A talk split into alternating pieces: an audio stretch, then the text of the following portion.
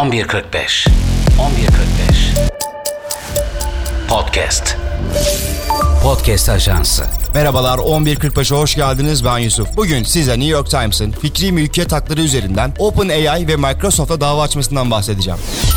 2023 yılında neredeyse her gün yapay zeka ile ilgili bir şeyler duyduk ve neredeyse her yerde yapay zekanın gelişimi üzerinde bir şeyler gördük. Hayatımızın her yerine hızlıca entegre olan bu yapay zeka uygulamaları birçok öğrenciye derslerinde yardımcı oldu, kodlar, makaleler yazdı, resimler çizdi. Google'ın eski CEO'su Eric Schmidt söylüyor, yapay zeka için uluslararası caydırma anlaşmalarına ihtiyaç duyulabilir diyor. Yapay zeka teknolojisi sağlık alanında bir yeninin daha öncüsü oldu. Kalp damar hastalıklarının tanısı artık anjiyoya gerek kalmadan yapay zeka ile riskler belirleniyor. Google'ın yapay zeka destekli tıbbi sohbet robotu Amerika'daki zorlu tıp sınavından geçer notu aldı alır almaz da yapay zekalı doktor tartışmaları başladı. Yapay zekanın saniyeler içinde binlerce kelimelik metinleri yazdığını gördünüz. Bilim insanları şimdi ise aynı teknolojiyi insanların aklını okuması için eğitiyor.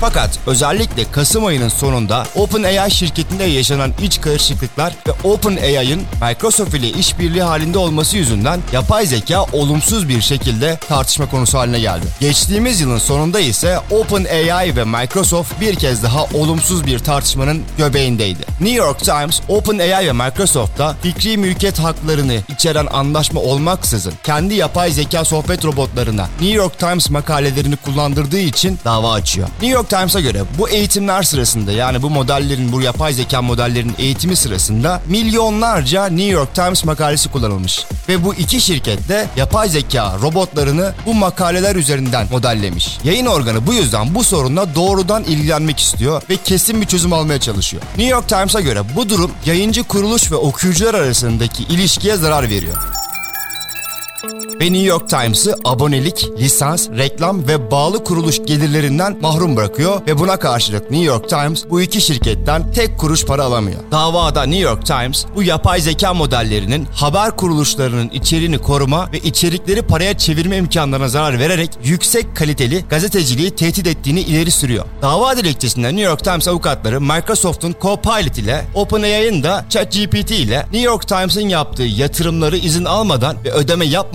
New York Times'ın içeriklerinin yerine geçen ürünler inşa ettiklerini savunuyor yani New York Times'a New York Times makaleleriyle rakip oluşturuluyor. Ayrıca davada bu şirketlerin fikri mülkiyet haklarını yok sayarak aşırı kar ettiği de savunuluyor. New York Times aylardır içeriklerin kullanımı karşısında adil bir değer almak için bu iki şirketle müzakere ettiğini fakat bu girişimlerin sonuçsuz kaldığını ileri sürüyor. OpenAI sözcüsü Lindsay Helt, Verge yaptığı bir açıklamada içerik üreticileri ve sahiplerinin haklarına saygı gösteriyoruz ve onlarla işbirliği yaparak yapay zeka teknolojisinden ve yeni gelir modellerinden faydalanmalarını sağlamaya çalışıyoruz. New York Times ile devam eden görüşmelerimiz oldukça üretken ve yapıcı bir şekilde ilerliyordu. Bu nedenle bu gelişmeler bizi hayal kırıklığına uğrattı. Diğer birçok yayıncı ile yaptığımız gibi umarım New York Times'a da karşılıklı faydalı bir şekilde bir araya gelme yolları buluruz dedi. Verge bunun üzerine Microsoft'tan da bir açıklama istedi ama Microsoft bu talebe yanıt vermedi. New York Times uğradıkları zararlar karşısında bu davalardan milyarlarca dolar para kazanabilir. Ayrıca gazete kendilerine ait olan verilerin, veri setlerinin bu iki şirketin veri depolarından kaldırılmasını talep ediyor. New York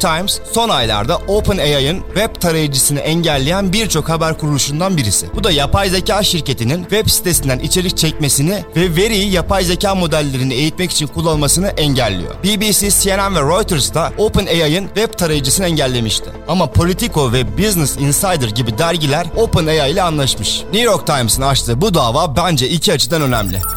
Birincisi New York Times eğer bu davayı kazanırsa diğer yayıncı kuruluşlar için emsal teşkil edebilir ve hem Microsoft hem de OpenAI büyük zararlara uğrayabilir. İkincisi son dönemde sosyal medya ile birlikte saldırı altında olan fikri mülkiyet hakkının ne kadar kıymetli olduğu tekrar anlaşılabilir bu davayla. Peki siz New York Times'ın açtığı bu davalarla ilgili ne düşünüyorsunuz? Bir sonraki podcast'te görüşmek üzere. 11.45 11.45